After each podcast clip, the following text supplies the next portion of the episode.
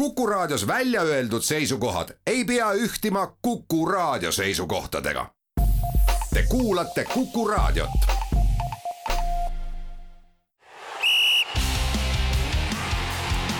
vutikohus. vutikohtul aitab pinget kruvida Pahv tere tulemast kuulama Kuku raadio jalgpallisaadet Vutikohus, mis on eetris igal neljapäeval ning mida juhivad Ott Järvela jalgpalliportaalist soccernet.ee ja Andres Vaher. nagu ikka, saab meie saadet järelkuulata Kuku raadio äpis ja podcastide keskkonnas, samuti iTunesis, Spotify's ning Postimehe spordiveebis.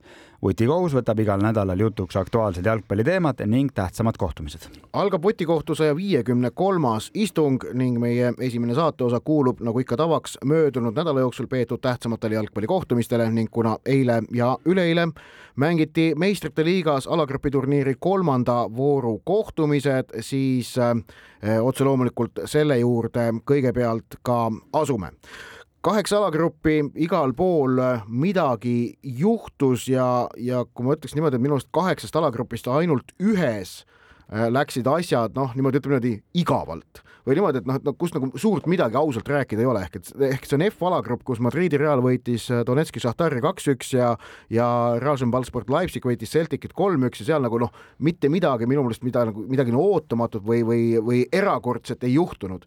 aga ülejäänud seitsmes alagrupis igas ühes mingi selline ikkagi silmatorkav sündmus aset leidis. no enne kui me nende alagruppide juurde kiir, kiirkäigul need läbi võtame, siis ma teeksin võib-olla sellise kokkuvõtte, et äh, kaheksast alagrupist viies on ühel meeskonnal täisedu ja need meeskonnad on äh, karikakaitsja Madridi Real, äh, hooaja suursoosik Manchester City ja ülejäänud kolm, eks arvake ära, kes veel, noh, Müncheni Bayern ka, vääramatu jõud Euroopas vähemalt hetkel no,. on, on, on, on. Selle, no, selle... ja sur surmagrupis, me just. räägime surmagrupist.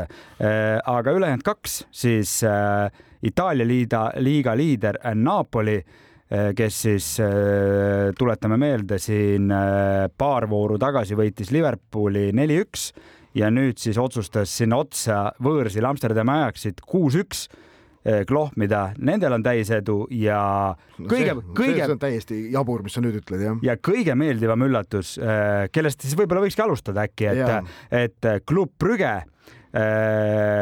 kolm mängu, kolm võitu, väravate vahe seitse-null ja, ja see on siis B-alagrupp, kusjuures äh, no me suht üksmeelselt äh, nii meie siin saates kui ka ülejäänud Euroopa jalgpall leidis, et klubb Brügel äkki neil õnnestub seal kuidagi mängida kolmanda koha peale ja, ja venitada ennast Euroopa liigasse välja.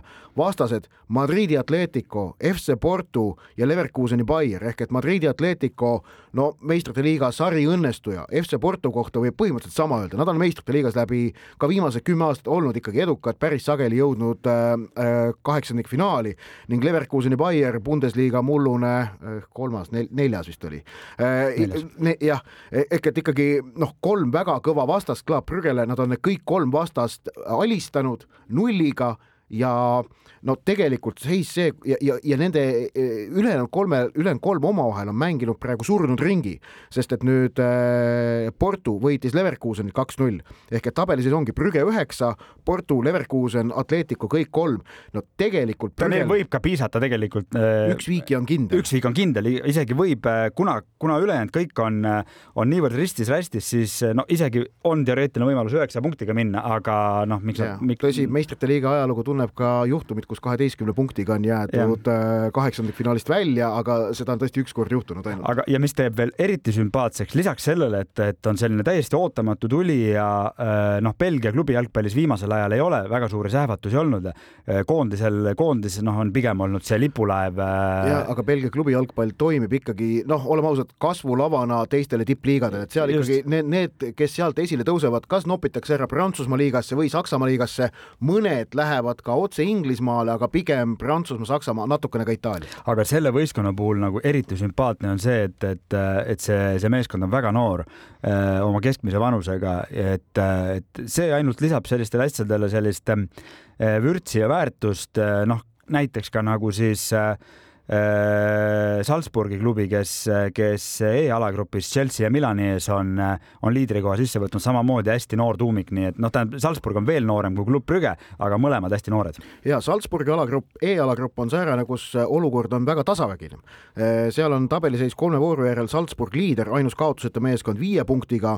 Chelsea, kes eile nüpeldas AC Milani kodus kolm-null, võib öelda isegi üllatavalt suur võit ja ülekaalukas võit. Graham Potteri nagu siis siuke esimene suur õnnestumine jah, no ega see Crystal Palace'i üle no, nädala saadud võit. see oli siuke, siuke tati ja tahtejõu ja natuke ja, ja palju ka õnnega, sest tegelikult oli ebaõiglus seal kohtunike poolt, millel me ei peatu, aga esimene suur õnnestumine selles mõttes Kaht, kahtlemata ja no AC Milani jaoks, kes üle pika aja meistrite liigas on, et, et nende jaoks... aga midagi ei ole kadunud? ei ole kadunud ja järgmine nädal peegelvoor ja, ja Zagrebi Dinamo seal kolme punktiga neljas koht, et ehk kes, kes alustas Chelsea üle võiduga. just, ehk et tabeliseis on viis, neli, neli, kolm ja samamoodi tegelikult väga tihe alagrupp on ka D-alagrupp, kus äh, kahe võiduga alustanud Lissaboni Sporting kaotas eile Marseille olümpikile üks-neli, kusjuures seal neil väravvaht suutis esimese kahekümne ühe minutiga küpsetada kaks no rämedat kooki ja veel ka punase kaardi võtta. nii et noh, säärane õhtu siis äh, võib ka juhtuda, aga Tottenham Eintracht tegid omavahel viigi neil-neli punkti, Marseille kolm punkti. Ehk et need on näiteks alagrupid, kus kõik on, on vägagi lahtine, aga nüüd liigume siis nende alagruppide juurde, kus nagu, kus seda glamuuri on rohkem olnud ja, ja millel on ka seda üle-euroopalist tähelepanu rohkem olnud äh,. alustame äkki eileõhtusest äh,, eileõhtusest matšist, kus äh, mängisid äh, Lissabonis sealne Benfica ja Pariis Saint-Germain välja võitlusliku äh, üks-üks viigi nojah, see on selline alagrupp, kus, kus tänu sellele viigile, mille Benfica siis nüüd koduväljakul Pariis Saint-Germaini käest kätte sai, Äh, siis nende võimalused, hoolimata sellest, et Juventus äh, nüüd oma esimesed silmad, kolm silma äh, pähe sai, ikkagi vahe on neli punkti, siis Benfica ja nii, nii BSG, Benfica ja siis Juventuse vahel, et Juventusel läheb ikkagi selles olukorras väga-väga keeruliseks juba, et, et see oli väga väärtuslik punkt Benfica jaoks eelkõige eeldusel, et BSG läheb siit niikuinii edasi jah, ja no BSG tundub ikkagi noh, nädala pärast on neil koduväljakul võimalik Benfica vastu võiduga teatud asjaoludel isegi edasipääs kindlustada. no nendele piisab ka ükstapuha, mis võidust ka, ka piisab ka kasvõi näiteks äh, Haifa alistamisest ühes ja, mängus ongi ja, kõik. jah, äh, aga, aga Juventuse olukord on nüüd ikkagi see, et, et kuna Benfica selle punkti kätte sai BSG käest, siis Juventusel on äh, kindlasti vaja äh, võõrsil Benficast jagu saada, kui nad, kui nad seda ei saa, tuletame meelde, nad kodus kaotasid Benficale kaks-üks, üks-kaks. Ehk et kui nad võõrsil Benficat ei alista, siis nad jäävad ju ka omavahelistes mängudes miinusesse, äh, miinusesse, mis on esimene viigi lahutaja, kui nad peaksid lõpetama võrdsete punktidega. ja, ja kui, kui mängib Juventus võõrsil Benficaga viiki, isegi kui ta siin Haifat võidab, siis, äh, siis tal võrdsetest, ütleme, Benficast punktide osas mööduda on ikkagi juba päris, päris keeruline. ning, äh, ning see on, äh, see on siis see, see, see põhjus, miks on vaja Juventusel kolme nädala pärast Benficast võõrsil jagu saada, aga Benfica seis on sümpaatne ja no see, kuidas Benfica eile BSG vastu mängis, see oli kaks väga erinevat poolaega, esimest poolaega tegelikult Benfica domineeris, omas kolme sajaprotsendilist väravavõimalust, mille kõik Gianluigi Donnarumma BSG väravas väga heade tõrjetega luhtas, aga Lionel Messi siis noh, üldse mitte niivõrd heast väravavõimalust lõi värava ehk tegi oma tavalise.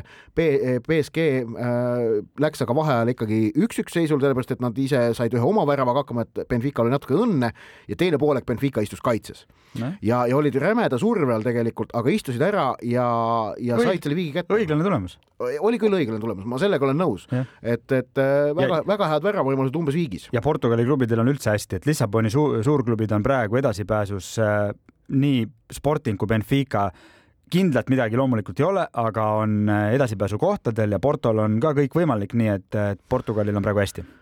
no jaa, aga ütleme nii, et kõigi kolme seis on ka piisavalt ebakindel, nad aga... võivad täitsa kaheksandikfinalistid ette jääda. võimalik, ja, ja, ja see oleks huvitav koefitsient, mis see on, et, et ükski Portugali klubi ei, ei pääse kaheksandikfinaali. ja samamoodi, mis on koefitsient, et kõik kolm pääsevad. ja need on Need on üsna, võiksid üsna võrdsed isegi olla ja, ja, jah. selline, selline, selline, selline, selline huvitav vahepala meil siia, aga eile õhtul oli üks suur mäng veel oli, oli, oli. või see oli, vabandust, see oli meil siiski üleeile õhtul, see oli üleeile õhtul, juba siin äh, aja arvamine kipub sassi minema, pidasin nüüd silmas praegu Interi ja Barcelona kohtumist. just, et Müncheni Bayern alistas Victoria Bolženi viis-null, siis neil on jätkuvalt täisedu, mis tähendab, et ja kuna nad on juba Interist Barssast jagu saanud, siis noh, nende edasipääs peaks olema ka täitsa kindel, aga Inter ja Barssa selgitavad siis ilmselt selle teise edasipääse selles äh, C alagrupis, mida surmagrupiks on tituleeritud ning esimene veri ja väga magus veri Milano Interile, koduväljakul nad üks-null Hakan Tšalhanoglu kauglöögist FC Barcelona alistasid.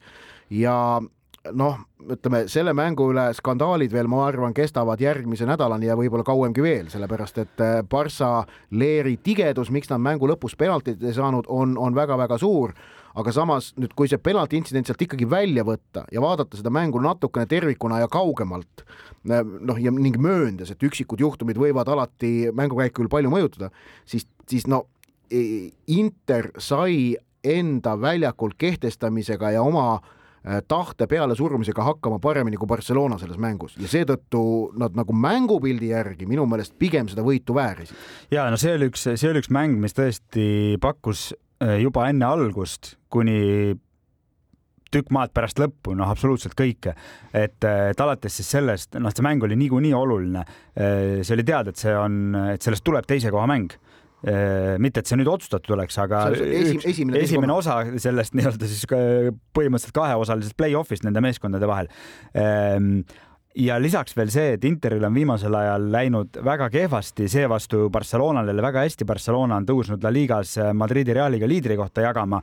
Ja, ja, ja ja väga tõsiselt oli päevakorral see, et Simone Inzaghi, kui see mäng kaotatakse, eriti kui kaotatakse veenvalt, siis ongi kõik. Ja juba väga reaalselt käidi välja nagu nimesid, kes asemele tulevad ja Itaalia meedia selle koha pealt ei tee nagu nalja, et lihtsalt spekuleeriks, seal on nagu alati mingi tõsi taga erinevalt näiteks Inglismaa meediast mm, -hmm. et äh, ja noh, see on Itaalia jalgpallikultuuriga üks osa ja, ja, ja kusjuures treenerid võtavad seda seal palju nagu no, on, rahulikumalt. see on nagu, käib töö juurde, nii on jah ja., et see on Itaalia jalgpallikultuuri osa, et treenereid vallandatakse, aga, aga see treeneri vallandamine Itaalias ei jäta treenerit CV-le kaugeltki ming, niivõrd suurt plekki kui näiteks Inglismaal, kus seda võetakse tohutult palju emotsionaalsemalt, kuigi see on nagu natukene ebaloogiline, et noh, Itaalia on tuntud meil emotsionaalse rahvana äh, võrreldes inglastega, kes noh, teevad oma briti huumorit ja, ja ironiseerivad, aga vaata, jalgpallitreenerite vallandamine on inglaste jaoks selline noh, tohutult, tohutu hingeline läbielamine, itaallased teevad seda noh, noh niimoodi, kuidas öelda, nagu meditsiinilist protseduuri põhimõtteliselt. et ja no ühesõnaga, et Inzaghi istus ikkagi nagu põhimõtteliselt nagu tuleriidal et, et ja mängu tähtsus ja see kumas kõigest sellest läbi ja see meeskond, vot sellises olukorras sa kas, sa kas häälestad meeskonna või ei häälesta. see meeskond oli nii valmis, ka mängijad, kes muidu nagu ei paista silma nüüd nagu mingi erilise tööeetikaga no,. Hendrik Mkhitarjani kaitsetöö. no Lautaro Martines, kuidas ta, kuidas ta töötas lõpuviljani välja, et ja need ilmed pärast seda mängu, see oli, noh, see oli, loomulikult ei saa võrrelda, et see oli mingi meistri, aga see sealt kumas nagu läbi nagu peaaegu et nagu meistrite liiga oleks võidetud, et ja, ja kõik see nagu taktikaline küpsus, kuidas see ellu viidi, hea küll, jah seal oli natuke õnne ja vaieldavad olukorrad ja kõik, aga, aga see oli üks tõeliselt suur mäng. minu jaoks selle mängu selline üks, üks tipphetk oli äh, Simone Inzaghi äh, tegu seitsmekümne kuuendal minutil kaitseliinis kolmikvahetus, et sul on viis, viiene kaitseliin ja sa veerand tundi enne mängu lõppu vahetad seal kolm meest korraga välja, mõlemad äärekaitsjad ja veel keskkaitsja ka. seal olid krambid ja, ja väsimused ja kõik asjad. jah, aga ikkagi kujutad sa ette, et kuskil Põhja-Euroopas või, või ka, või ka Briti saartel mõni peatreener teeks midagi säärast, et ta vahetab kolm kaitsjat korraga välja, see, see, see on väga selgelt minu meelest Itaalia jalgpallile omane lüke seal on sellist nahaalsust, seal on sellist äh, mõnusat arrogantsi sees, äh, enesekindlus ka muidugi, äh, aga ka tohutu usaldus Itaalia jalgpalli taktikalise koolkonna ja taktikaliste oskuste suhtes. et mängijad, kes tulevad veerand tundi enne lõppu olukorras, kus meeskond kaitseb üks-null edu kaitseliini väljakule, et nad suudavad kohe kohanduda, et nad suudavad kohe selle mängu iseloomust aru saada, see kõik on, on tegelikult kompliment Itaalia jalgpalli jalgpalli sellistele traditsioonilistele väärtustele, mille peal, äh, mille peale nad on ennast üles ehitanud. ja see kõik toimis, aga seevastu siis Barcelona on nüüd olukorras, kus nad on ikkagi väga-väga tõsiselt silmitsi sellega, et teist hooaega järjest võib FC Barcelona, ei keegi muu, FC Barcelona, kes ju tegelikult ilmselgelt ju liigub tõusu, tõusujoones väga selgelt, võib jääda meistrite liiga play-off'ist välja, välja lihtsalt kõik. jah, kui nad, no, no üks asi, millega Barca saab nüüd enda äh, seisu järgmine nädal kindlustada, on see, kui nad kodus võidavad Interit vähemalt kahe väravaga, siis nad jällegi omavahelised mängud pööravad enda kasuks, omavaheliste mängude väravate no, vahet vaadatakse ka. ja ka üheväravaline võit siis jätab kõik väga-väga lahtiseks. ja siis on see, et kui nad lõpetavad võrdsete punktidega, vaadatakse üldist väravate vahet, on ju, ja, ja noh, see, see muidugi, kuhu see üldine väravate vahe läheb, on suhteliselt selline juhuse saatus, sellepärast et siin grupis on Bayern ja Belgian no,, ehk et sa võid ühe käest saada suure kolaka ja teisel ise ise kütta suure no, jaa, aga samamoodi ei ole kuhugi ette kirjutatud, et, et, et nende mängude tulemused ka, nii et, et jaa, kõik jääb lahtiseks. kui Barcelona võidab kordusmängu, siis jääb kõik väga lahtiseks, aga kõik muud tulemused äh, nädala pärast Barcelonas, eh, no siis on ikkagi juba väga keeruline Barcelona. ei no kui Inter võidab, siis on need siis on läbi, aga Viigi puhul noh, veel mingi šanss säilib, aga ja. keeruline. aga räägime sellest penalti olukorrast ka veidikene, see oli siis kohtumise üheksakümnendal minutil, kui Denzel Dumfries, üks neist vahetuses sekkunud kaitsjatest, puutus Interi karistusalas palli käega. Ja Varr vaatas seda olukorda üle väga-väga pikalt, aga peakohtuniku Slavko Vinšitšit monitori juurde seda üle vaatama ei kutsutud. Ja noh, okei okay,, seda, seda olukorda nüüd niimoodi täpselt raadioeetris ümber seletada on keeruline, ma usun, et jalgpallisõbrad keda väga huvitab, leiavad üles kas kuskilt selle korduspildi. no kõik või, on juba vaadanud, Ott, ole rahulik, meie kuulajad on juba ja, vaadanud. aga ühesõnaga äh, konsulteerisin spetsialistidega ning kuulsin kahte võimalikku seletust, et miks sealt penaltit ei tulnud või miks kohtunikku ei kutsutud äh, monitori juurde. üks äh, variant on see, et tegemist oli inimliku eksitusega Varri poolt ehk et äh, nendes tippmängudes Varril on vist üle kahekümne kaamera, äh, mida, mida, mida staadionil kasutatakse, kõik need on varril kasutada ja võimalik, et, et lihtsalt varr, e, e, seda õiget kaameranurka, kus see käepuude näha oli, et millegipärast, et seda kaamera, see kaamerapilt ei sattunud varrile ette, mis, mis on noh, mis, mis liigitub inimliku eksituse alla. Ja teine teooria on siis see, et Varr kuskilt ka, mõne kaamera pealt nägi selgelt, et, et Dumfries puutus ennem kui pall talle vastu kätt läks, mängis palli ka peaga, mis sel juhul üpris kindlasti vabastaks sellest sihilikust äh, käega mängust äh, hollandlase kaitsja aga, aga no selge on see et muidugi, et noh, Xavi Hernandez ja, ja Barcelona oli püha viha täis nii selle otsuse järel, mängu järel, pressikonverentsil ja ma arvan, et seda asja tuletatakse meelde ka järgmise nädala korduskohtumisel igalt poolt, et kuidas neile seal liiga tehti ehm,. noh. nojah, seal oli, seal läks isegi natuke nagu Xavi, kes on muidu ju väga selline austusväärne mees, seal läks no. nagu inetuks, seal ta näitas mingit raha maksmise märki ja seal võib tulla nagu distsiplinaar case täitsa, et, et eks paistab, eks paistab, et no ta ikka kaotab. no see oli talle nii oluline, aga noh, ta ei, ei pidanud nagu vastu. tema ei pidanud vastu, Inzaghi pidas vastu ja, ja, ja nii oligi. aga meil mängiti ka jalgpalli, kus oli palju kõneainet, küll mitte nii vastuolulistel teemadel äh,. Inglismaal, Premier League'is toimus meil äh, vähemalt kolm väga olulist kohtumist. ja no meistrite liigast jah. tahad, tahad veel midagi öelda? ei no see ajaks Napoli üks-kuus, see las no, olla. rääkisime ära, noh, Napoli juhib, noh, lihtne. Haalandit oleks vist ka mainitud no,. Haalandist me hakkame kohe praegu rääkima okay.. Manchester City, Manchester United kuus-kolm, lase tulla. jah, jah, ja, ja siis Haaland lõi siis viimase viie päeva jooksul viis väravat ehk et ja. Äh, Unitedile kolm ja eile Kopenhaagenile kaks. Unitedile pani veel kaks söötu ka otsa, ma ei tea, kas Kopenhaageni vastu tuli ka veel, no niikuinii tuli, nii et neid söötu, söödu no, söögu. aga Inglismaa Premier League'is tõesti nädalavahetuse voorus no juhtus palju, et, et ja Manchester City kuus-kolm võit Man Unitedi üle oli kahtlemata no väga selge jõudemonstratsioon. olgu öeldud siis, et Manchester Unitedi kaks viimast väravat Antoni Martialilt tulid noh, seisul kuus-üks siis, kui juba noh, põhimõtteliselt rahvas oli laiali läinud ülekantud tähenduses, Inglismaal ei lähe muidugi rahvas enne laiali. Unitedi aga... fännid läksid küll minema. no väga õige. jah äh,, aga, aga no Manchester City noh, kuidas öelda tõestas taas, kuivõrd palju tugevamad nad hetkel ikkagi Unitedist on, et United oli vahepeal endal asjad siin päris kenasti tegelikult käima saanud äh, ka kodustel meistrivõistlustel, aga nüüd see City kvaliteet ja Haalandi kvaliteet olid Unitedi jaoks lihtsalt liiast. Aga samas, samas ma nüüd, äh, et proovides muuta korraks ka Unitedi advokaadiks, siis ega neid satse, kes praegu Cityle ka Inglismaa Premier League'is vastu saavad, no noh, huvitav on vaadata, palju neid üldse on. absoluutselt, see on õige, aga ma tooksin siin välja ühe, et noh, et Manchester City'le nagu ei ole nii, nii irooniliselt, kui see ka ei kõla, et nendel ei ole mõtet praegu keskenduda, igaüks lihtsalt näeb, et nad on lihtsalt nii head, noh, et see on praegu noh, see on praegu nagu, see on, see on, see on kirjeldamatult hea võistkond hetkel, aga just, et Manchester Unitedi peatreener Erik ten Haag, mida ütles pärast mängu, mäletatavasti kohe hooaja alguses ju äh, United, äh, United kaotas samuti Poola ja ühele natuke väiksemale klubile, Brentfordile sama tulemusega null neli ja ta võrdles neid, neid mänge ja ütles, et, et Brentfordi vastu me ei jooksnud. Äh, täna me ei uskunud et, et see, see enesekindluse, see vahe, noh, loomulikult on see ka klassivahe äh, mängijate oskustes, aga, aga just see oli see, mis tal ja me ei, me ei, täitnud neid, neid, neid reegleid, mida me kokku leppisime.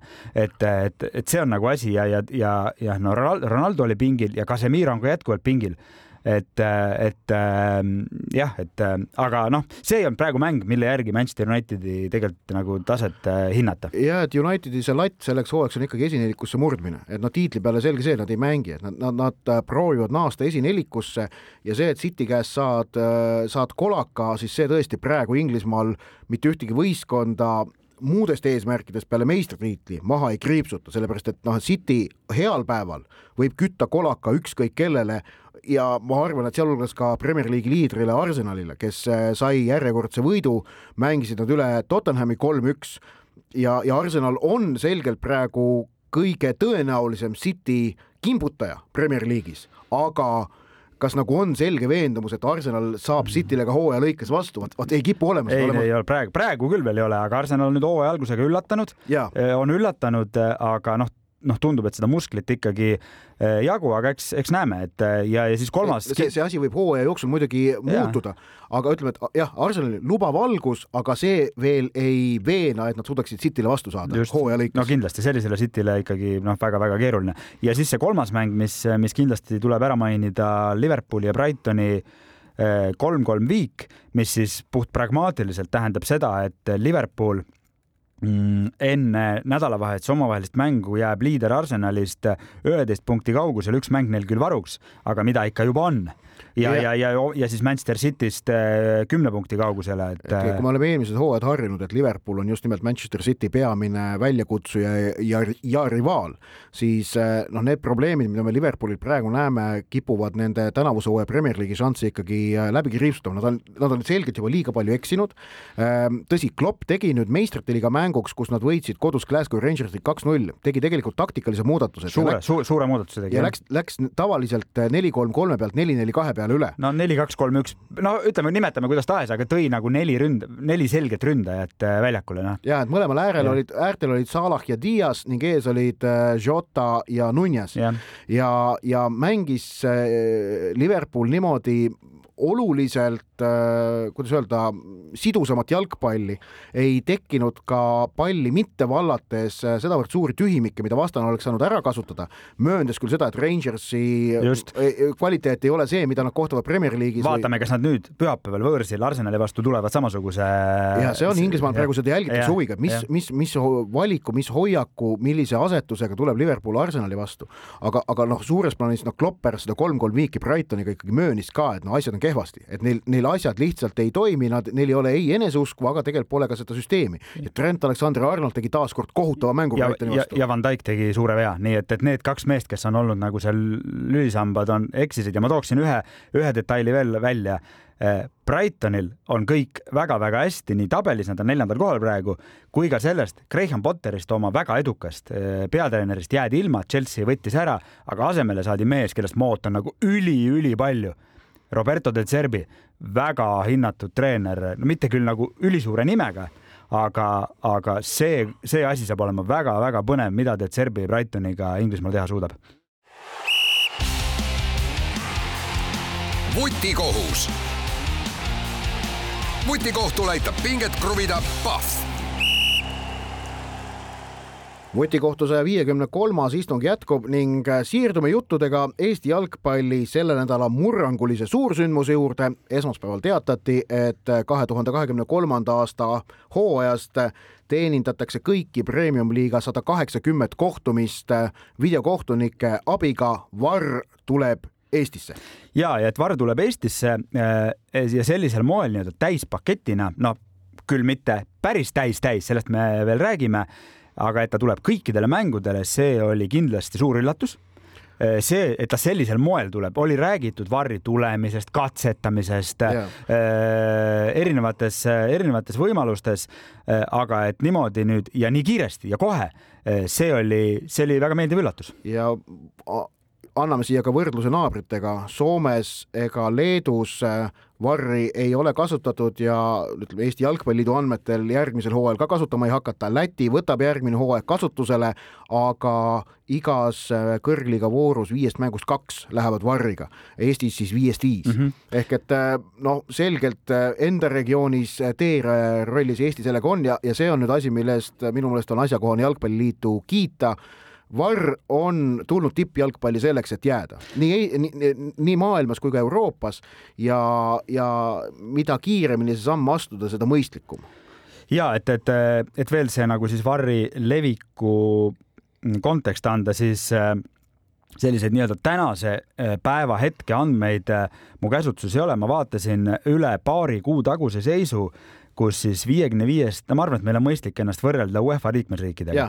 viiekümne viiest UEFA liikmesriigist äh, oli VAR ühel või teisel moel äh, kasutusel kahekümne kaheksas riigis ehk et pooltes. noh, me teame, et noh, Eesti on siin üks näide, kindlasti kuskil võetakse veel äh, kasutusele, et see trend on ikkagi selgelt, selgelt selline ja, ja, ja siis need kasutamise moodused Äh, on, on väga-väga erinevad ja samamoodi kui paljudes mängudes, kas täispakett või see nii-öelda light pakett, mis nüüd Eestis kasutusele võeti ja samuti kes karikasarjad ja kes kus. aga et selline on see kontekst, et, et, et pooltes on, on praegu kasutusel ja noh, järjest, järjest leviv trend selgelt kuivõrd palju hakkab Eesti varr välja nägema nagu see varr, mida me näeme iganädalaselt näiteks Premier League'is või meistrite liigas või ka nüüd näeme eelo, eesootaval maailmameistrivõistluste finaalturniiril? ikka erinev, ikka erinev eh, erinev, samas telepildis ta näeb välja enam-vähem samamoodi, et tehakse sul see mitme ekraaniga pildikene sinna, aga selge on see, et, et kui maailma tippmänge toodetakse produktsiooniga, kus kaameraid staadionil, nagu siin ka ennist selle äh, Inter Barca olukorda lahates sai öeldud, on üle kahekümne. ja kus ka ei saadud seda õiget nurka, võimalik, et ei saadud. ja, ja, ja alati ei pruugitagi saada, just e,. siis Eestis kaameraid on mängudel järgmisest hooajast vähemalt neli neli on siis FIFA nõue, et vähem kui nelja Miinimum. kaameraga varri teha ei tohi ja need neli kaamerat peavad sel juhul olema asetatud niimoodi mõlemal karistusala joonel üks kaamera, eh, mis on siis ennekõike mõeldud nii suluseisude jaoks, aga ka noh, karistusala natukene paremini kaadris hoidmiseks ja ülejäänud kaks kaamerat keskjoonel, üks võtab üldplaani, teine võtab lähikaadrit. see on siis nelja, see on kõige väiksem ja tagasihoidlikum varripakett, mida on võimalik kasutada. ja, ja see on siis miinimum järgmisel hooajal ka Eesti kõrgliigas. Äh, Kristo Tohver, Eesti number üks äh, väljakukohtunik, Eesti ainukene varrilitsentsiga kohtunik, kes seda no, projekti ehk et, ehk et igapidi Eesti number üks kohtunik ja, praegu, ütleme otse välja. Noh. jah, kes, kes Eestis seda ka noh, varriprojekti äh, on, on vedanud ja veab, ütles, et noh, nende, nende soov oleks see, et nad saaksid ikkagi igale mängule kuus kaamerat, kas see õnnestub, noh, ma pakun, et pigem mitte, aga et sel juhul, kui on kuus kaamerat, oleks mõlema äh, otsajoonedega ka veel üks, mis annaks siis karistusalale ühe lisamõõtme ja noh, Tohver ütles seda, et kuue kaameraga oleks tema meelest see olukord ikkagi juba päris hästi kaetud. et kindlasti mingid asjad jäävad nägemata, aga need jäävad alati, aga et see, see kuus kaamerat tagaks juba selle, et noh, et ikkagi asjade täpsus muutuks väga palju paremaks. ja just eelkõige siis selles plaanis noh, et äh, Tohver tõi ka välja, et äh, et siis äh, penaltite määramise ja punaste kaartide, noh, eelkõige puudutab see hetkel siis penaltite määramist, see otsakaamera äh, aitab seda eelkõige äh, tõhustada. on, on siis Eesti Jalgpalliliidu analüüside järgi kohtunike täpsus penaltite ja punaste kaartide määramisel Eesti Premium-liigas on seitsekümmend kuni seitsekümmend viis protsenti ja nüüd siis nende lisakaamerate, lisasilmade abil võiks see tõusta kuni üheksakümne viie protsendini, mis nagu nutikas raadiokuulaja aru saab, on ülisuur muutus. ja, ja see on siis see, see muudatus, mis ka mujal maailmas on suudetud äh, varri kasutusega läbi viia, ehk et äh, jah, siin on, tulebki rõhutada, et ka varr ei ei ole täiuslik. ei ole täiuslik ja, ja seal varri taga istuvad ka kohtunikud, kes võivad teha vigu ja seetõttu sada protsenti ei saavutatagi mitte kuskil. ja noh, see on asi, millega nagu on noh, selle üle võib halada, aga lihtsam on leppida, sellepärast et abi sellest halamisest üldiselt väga midagi ei ole. E, aga tõesti, et just see, et, et, et kui seitsmekümne, seitsmekümne viie kandist üheksakümne, üheksakümne viie kanti suudaks tõsta ja, ja Tohver arvas, et kuuest kaamerast piisab, et see tõsta sinna üheksakümne kanti ja sealt natuke üle. küsimus see, et kui paljudes mängudes me nüüd need kuus saame, et ja. pigem on see ikka alguse puhul praegu, olles realist on ikkagi pigem me läheme esialgu tõenäoliselt neljaga. just, vot, aga igatahes ja, ja teine asi, mis on siis oluline erinevus, ähm, millest tuleb rääkida, kuidas Eestis varri hakatakse kasutama, puudutab äh, suluseisu fikseerimist varriga. ehk et suluseisu kordusi ja suluseisu muidugi varriga fikseeritakse ja Eesti abikohtunikud hakkavad siis käituma samamoodi, nagu me näeme praegu äh, maailmas, kus nappide olukordade puhul lastakse olukord esmalt lõpuni mängida ja alles siis vajadusel tõstetakse lipp ähm, äh, ja, ja siis, äh, kui, kui, kui tuleb värav, VAR kontrollib üle, kas otsust äh, saab toetada või mitte. aga, aga Eestis Varri ei hakka vähemalt esimesel hooajal kasutama neid suluseisujooni, mida me oleme näinud mujal maailmas, kuidas need tõmmatakse sinna väljaku peale. jämedamad või kitsamad, kuskil, kus kuskil. vaid Eestis Varr äh, esimesel hooajal vaatab silma järgi suluseisu ja see on siis äh, seotud tehnilise äh, kuidas öelda, tehnilise käsitööoskusega, et, et selle, selle joonte tehnoloogia valdamine nendelt varrkohtunikelt kohe esimesel hooajal ka seda hakata neilt ootama, on, on Eesti Jalgpalliliidu hinnangul, seda oleks liiga palju ja, ja see tekitaks, muudaks varri liiga aeglaseks, ilmselt ka kohmakaks ja seetõttu esimene aasta vaadatakse var-, suluseisu silma järgi ehk et suluseisu ilmselt hinnatakse ja kui silma järgi äh, ei selgu vastupidist, siis jääb kehtima väljakul langetatud otsus. no mis on varri puhul niikuinii, et kui. no selles suhtes midagi ei muutu. ja just äh,, aga, aga et siis neid suluseisujooni kaks tuhat kakskümmend kolm Eestis äh, sinna ekraani peale tõmbama ei hakata, et see on, see on, see on üks, see on siis ka üks oluline oluline erinevus. jah, et ehk et, et kui nüüd jah, tegelikult uuest hooajast me siis televaatajatena või siis äh, veebiplatvormist äh, mängude vaatajana satume täiesti uude olukorda, nii vaatajad kui ka noh, siis tegelikult kõik need inimesed, kes mänguga kokku puutuvad, siis, siis seda nagu ootust praegu veel ei teki ja ma noh, lihtsalt ennustan, et tegelikult ma, mina ei pea tõenäoliseks, et see siin lähematel aast- või noh, vähemalt ka ülejärgmisel hooajal veel tuleb, et noh, see on suur investeering ja suur muutus, need jooned ja kas see vajalik on, on iseküsimus aga. seal, seal muuseas Christopher tõi ka huvitava asja välja, et, et, et neil ei ole kohustust, et FIFA ei nõua seda äh, joonte tõmbamisse kasutamist ja seal on siis kaalukauss on ühel pool on see, et kas, kas saavutada absoluutne õigus, õiglus äh, aga teisel pool on siis see, et, et hakatakse võtma ka viie sentimeetrisi suluseisu no. ehk et, et, et ongi, et kui äh, suluseis on fakt, on ju, et ja, ja viis sentimeetrit on ka suluseis ähm,. aga ongi, et kui sa seda joonetehnoloogiat ei kasuta, siis sa vaatad silma järgi ja sa vaatad jämedamalt no ja, ja, ja seal ongi, tegelikult need on täiesti nagu äh, legitiimsed kaalukausid, mida nagu mõelda, kumba, kumba nagu rohkem tahaks. jah, et, et noh, praegusesse mudelisse just selle suluseisu määramisel nappide olukordade puhul jääb sisse rohkem, noh, ma ei tea, kas sõna subjektiivsus on õige, aga no rohkem siis selle varri kohtuniku äh, noh, silmatäpsust, ütleme siis niimoodi, aga ma lisaksin no,. ma arvan, tegelikult ennekõike noh, suuseisu puhul no. kui, kui ei ole näha selget eksimust, siis jääb, hakkab kehtima jääma väljakul langetatud otsus. nojah, jah, no võta siis kuidaspidi nagu ja, tahad, onju, et aga, aga kõige selle juures on ka siis väga oluline, eh, mis, ehm, mis, mis on täiesti uus asi siis Eesti nagu nii jalgpallis kui üldse Äh, ülekannete tootmisel on see, et kui täiesti uude tähendusse tõuseb äh, operaatori töö, äh, see on, siiamaani on see lihtsalt vaataja huvides, kõik. kas sa teed seda, see on vaataja huvides, aga sellest ei sõltu mitte midagi. nüüd on see, sellel on täiesti teine mõõde.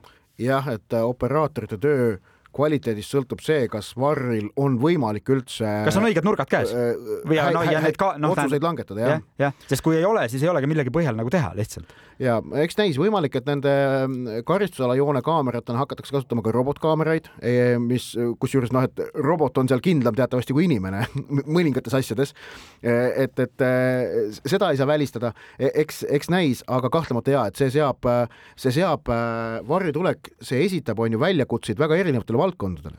Ta esitab väljakutse tõesti, nagu me ütlesime äh,, operaatoritele, kahtlemata režissööridele äh,, kes, kes neid telemänge toodavad, et, et see asi ka välja ekraanile jõuaks niimoodi, et äh, see pealtvaataja sellest või publik, telepublik sellest aru saaks.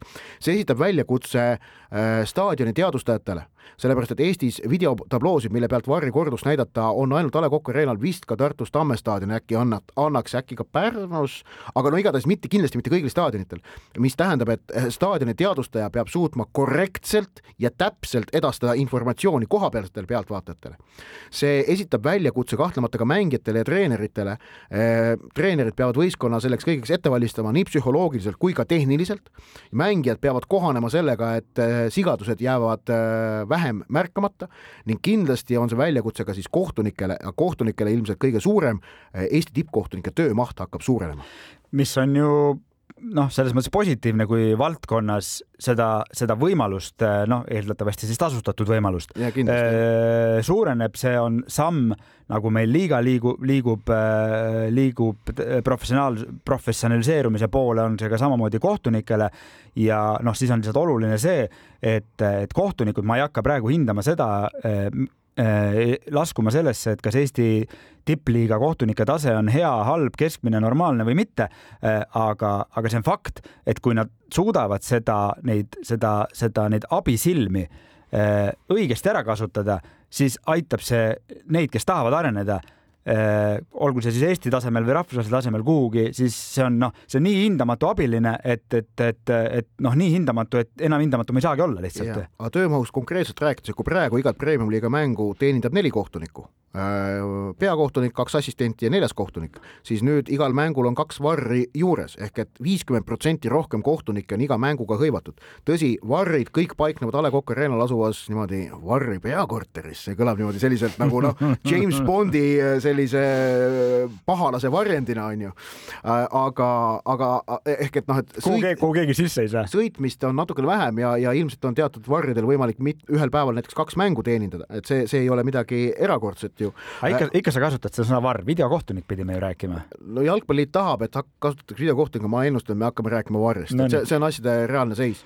et töömaht ühesõnaga suureneb viiskümmend protsenti, aga kindlasti suureneb ka, ma arvan, kohtunikuameti atraktiivsus efektiivsus, sellepärast et nüüd on võimalik seda teha, noh, ütleme, tehnoloogia on äge asi, kui seda kasutada hästi. eeldad, et IT-kurud tulevad jalgpallisektorisse? ei, mitte seda, aga, aga see, see muutub äh, seksikamaks, ägedamaks, sa saad teha nii, nagu seda tehakse maailma tipus ning kahtlemata väga oluline, ma loodan, on ka see, et kuna otsused muutuvad täpsemaks ja õiglust rohkem, siis see vast parandab ka jalgpallikohtunike mainet, muudab vähe, vähemaks rünnakuid jalgpallikohtunike pihta esmalt kõrgliigas, aga siis see kandub sealt ka edasi madalamatesse liigadesse, kus me teame, ja, ja noorteliigadesse, kus me teame, et see on suur probleem äh, jätkuvalt Eestis, et noortevõistlustel, madalamates liigade võistlustel kohtunikega käidutakse noh, täiesti lubamatult, siin hiljuti oli näide, kus, kus Võrus ju kohtunikule eh,, kohtunik visati palliga, ma ei mäleta, kas nüüd kehasse või näkku, igatahes no, no näiteks selline rünnak no, kohtuniku pihta. ja kahtlemata see loob kõik eeldused, aga noh, esimene eeldus on muidugi see, et, et kohtunikkond eh, oskab seda atribuute, neid atribuute ise nagu piisavalt hästi kasutada, et, et, et Kas, kasvuraskused kindlasti tulevad. tulevad ja, ja, ja üks tegur veel, mille ma tooksin välja, mis on, mis on minu silmis ka väga oluline, lisaks sellele, et, et, et see on kohtunike arengule hindamatu abiline, on see, et kindlasti eh, peaks vähemalt eh, noh, või nimetada siis ka kindlas kõneviisis, eh, väheneb see igasugune väliskaudne möla selle suhtes, eh, kes, keda helistatakse või keda ei helistata või keda on tiitlil aidatud või, või kuhugi aidatud või mitte aidatud. et eh, noh, ikkagi kuigi kindlasti tuleb ka siin siukseid olukordi, mille üle me hakkame debateerima, aga noh, ikkagi kui asjad on tehnoloogiliselt ära näidatud ja tõestatud, siis, siis kindlasti seda noh, seda, seda möla on vähem. paneme panuseid vutikohtuse viiekümne kolmas istung on jõudnud kolmanda veerandajani ja pahv.ee pakutavad jalgpallikoefitsiendid selle saateosa täidavad. ja siis tavapäraselt Otiga meil on siin valikus klubimänge igalt rindelt, mida oled valinud sina? Ehm, laupäeval kell seitseteist null null Manchester City võõrustab Inglismaa Premier League'is Southamptonit ja mul on seal nüüd kaalumisel kolm erinevat Haalandi pakkumist. et Haaland lööb vähemalt kaks väravat, kaks koma seitsekümmend viis on, on tagasihoidlik, et Haaland lööb värava mõlemal poolel, neli koma null tundub päris ägedana, aga et Haaland lööb vähemalt kolm väravat, seitse koma null ei ole ka üldse mitte paha koefitsient minu meelest. vaata selle, see, see, mille kohta sa ütlesid, mis tundub nagu kõige noh, mis pole paha, ehk see värav mõlemal poolel, vaat sellega on selline oht, et äh, näiteks nagu eilses mängust ta võeti poolel välja lihtsalt. ja sest ta oli esimesel kõik ära teinud. ta lõi ära ja meeskond juhtis, et lihtsalt seal on see nõrk koht. ja vot äh, igatahes te, teine pakkumine. aga vali nüüd üks välja, noh. Äh, mõlemal poolel neli koma null. Äh, siis äh, laupäeva õhtul üheksateist kolmkümmend Der Klassiker Borussia ja Bayerni vahel äh,, et Bayern võõrsil ei võida, koefitsient kaks koma kakskümmend viis eh,. no mina, mina Bayerni vastu ennustada ei julgeks jah, ma möönan, see on riskantne, ma möönan.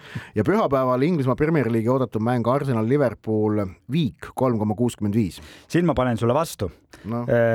Liverpooli võit kaks koma kuuskümmend viis, põhjendan. põhjendan ja ma tean, tabelis on Arsenal üksteist punkti ees. ja Arsenal mängib kodus, aga see on nüüd see koht, kus kas Arsenal näitab, et ta tõeliselt suure meeskonna vastu Äh, suudab, äh, suudab siis noh, ütleme, nimetame siis nii, kaotust vältida. Manchester Unitedi vastu, kes ei ole väga suur meeskond enam, ei suutnud. Tottenhami vastu jah, võideti, aga Tottenham mängis taktikaliselt mängis Conte nii valesti ja nii halvasti, kui üldse mängida saab, nagu Liverpool ja Jürgen Klopp ei tule mängima mitte kunagi mitte ühegi meeskonna vastu. ehk et, et see mängu iseloom saab olema täiesti teistsugune ja sellepärast mina, mina tahan öelda, et Liverpool on selle mängu soosik. nii, ja mis sul ülejäänud pakkumised on? ülejäänud pakkumised siis mul on, lähme siis tagantpoolt ettepoole, kui alustasime selle Arsenal Liverpooli pühapäevase mänguga siis mõni tund varem on Eesti Premium-liigas äh, Saaremaa tuulte ja, ja vihmade käes võib olla kohtumine FC Kuressaare Paide linnameeskond ja siin ma siis nüüd panen sellise pakkumise, et Kuressaare ei kaota seda mängu, kuigi ma tean, et Paidel on seal rohkem äh, mängus, aga ikkagi Kuressaare ei kaota seda mängu koefitsiendiga kaks koma viiskümmend viis. No see on no, no üsna ja, õiglane hind tegelikult, aga, aga las olla ja siis äh, alustuseks ja lõpetuseks korraga on mul täna õhtust Euroopa liigast äh, kohtumine AS Rooma Real Betis ja see on mul lihtsalt selline, selline pakkumine, et poolajal on äh, seis viigis koefitsiendiga kaks koma viis. paneme panuseid vutikohtu saja viiekümne kolmas istung läheneb oma lõpule, aga enne veel, kui tänaseks otsad kokku tõmbame, vaatame otsa jalgpallikohtumistele, mis eesoleva nädala jooksul on erinevates maailma ja Euroopa otsades toimumas ja mis need kõige tähtsamad on meistrite liigas järgmisel teisipäeval ja kolmapäeval mängitakse peegelvoor eile ja üleeile mängitud matšidest ehk et täpselt samad võistluspaarid, aga siis teise võistkonna koduväljakul need mängud äh, toimuvad. no et, et tähelepanu väga suur on kahtlemata kolmapäevasel mängul Barcelona Inter, selles mingit kahtlust ei ole, aga ka teisipäevane mäng AC Milani ja Londoni Chelsea vahel kindlasti on, on väga suure tähelepanu all ja olulise tähendusega ehk et Milanil on vaja sealt, sealt nüüd koduväljakul väljakul Chelsea'le mingit vastust anda. tähtsaid mänge muidugi, muidugi veel ka kõigis teistes alagruppides peaaegu, noh, ma, nagu öeldud, ainult siin Real ja, ja Bayern on, on niimoodi, kes tunnevad ennast väga-väga kindlalt ja, ja mõni veel, aga uh,. Napoli, Napoli Napoli ka jah, tõsi ähm,. aga, aga no see, et Napoli kodus ajaksid ka kuus-üks võidab, ma selles pigem kahtlen ausalt öeldes no,. piisab ka natuke vähemast. vähemast jah äh,. vot, nii et meistrite liigas võistluspaarid samad, aga vaatame siis ennekõike otsa sellele, mis nädalavahetusel erinevates Euroopa kõrgliigades toimumas on ja äh, Manchester City Southamptoni mängust laupäeval sai räägitud, samamoodi Chelsea mängib Wolverhamptoniga, aga tegelikult tolle õhtu ikkagi tähtsamad ja kõige suuremad hittmängud on minu meelest Itaalias ja Saksamaal.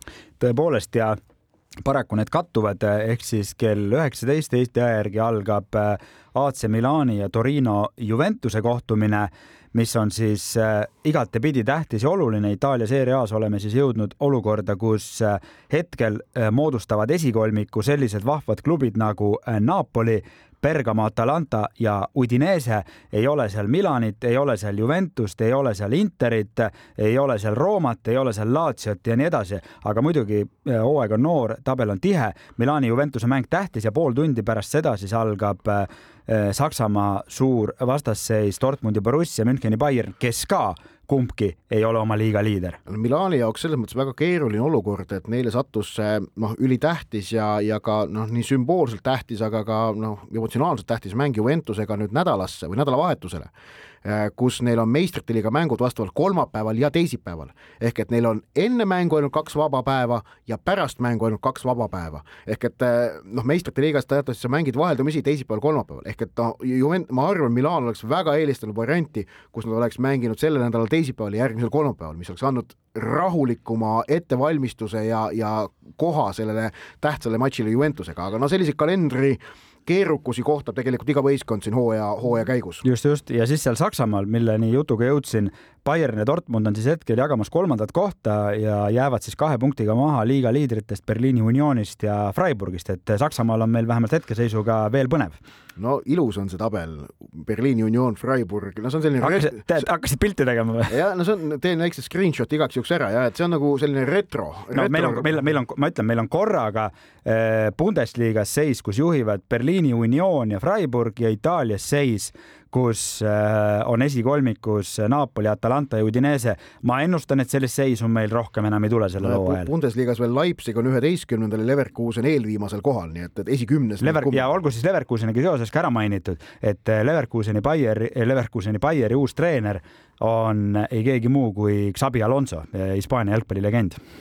vot pühapäeval, ma usun, Euroopa keskne mäng ikkagi on Arsenal, Liverpool Äh, Udinese Atalanta mängitakse ka Itaalias, noh, Hispaanias Barcelona, Celta Vigo, võimalik, et võib ka mingit, äh, mingit elevust tekitada, Manchester United proovib siis, äh, proovib siis toibuda mängus Evertoniga võõral väljakul. aga sellised olid jalgpallijutud täna, vutikohtu saja viiekümne kolmandal istungil, täname kuulamast, saatejuhid olid Ott Järvela jalgpalliportaalis soccernet.ee ja Andres Vaher. uuesti oleme eetris ikka järgmisel neljapäeval kell kakskümmend üks ja meie saadet saab järelkuulata Kuku raadio äpis ja podcastide keskkonnas ning samuti iTunesis, Spotify's ja Postimehe spordiveebis. Kuulmiseni. vutikohus. vutikohtul aitab pinget kruvida Pahv